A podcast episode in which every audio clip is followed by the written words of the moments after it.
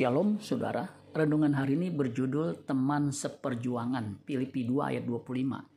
Sementara itu, kuanggap perlu mengirimkan Epaphroditus kepadamu, yaitu saudaraku dan teman sekerja, serta teman seperjuanganku, yang kamu utus untuk melayani aku dalam keperluanku.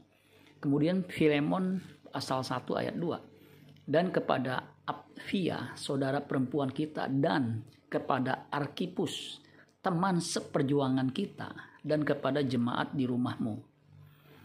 Beberapa kali Rasul Paulus menyebut teman yang bersamanya dalam pelayanan sebagai teman seperjuangan atau kawan sekerja.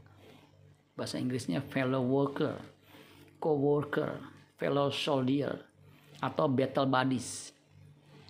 Filemon pasal 1 ayat 1 terjemahan firman Allah yang hidup dikatakan begini dari Paulus yang dipenjarakan karena mengabarkan berita kesukaan tentang Yesus Kristus.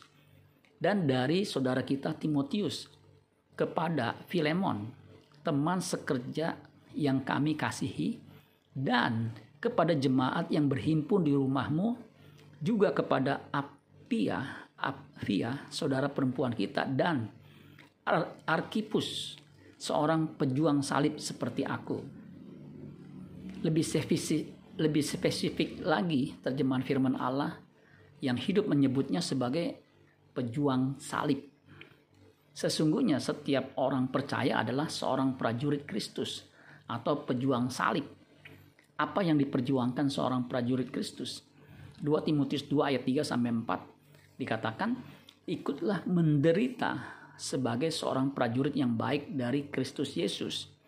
Seorang prajurit yang sedang berjuang tidak memusingkan dirinya dengan soal-soal penghidupannya, supaya dengan demikian ia berkenan kepada komandannya. Dengan tegas, Paulus mengatakan bahwa visi dan misi seorang prajurit adalah berkenan kepada Kristus, Sang Komandan, karena Kristus pun sudah mencapai perkenanan Allah Bapa. Apa bukti Kristus berkenan kepada Bapaknya? Ibrani 5 ayat 7 dalam hidupnya sebagai manusia, ia telah mempersembahkan doa dan permohonan dengan ratap tangis dan keluhan kepada Dia yang sanggup menyelamatkannya dari maut dan karena kesalehannya ia telah didengarkan. Amin buat firman Tuhan. Tuhan Yesus memberkati. Sola Gracia.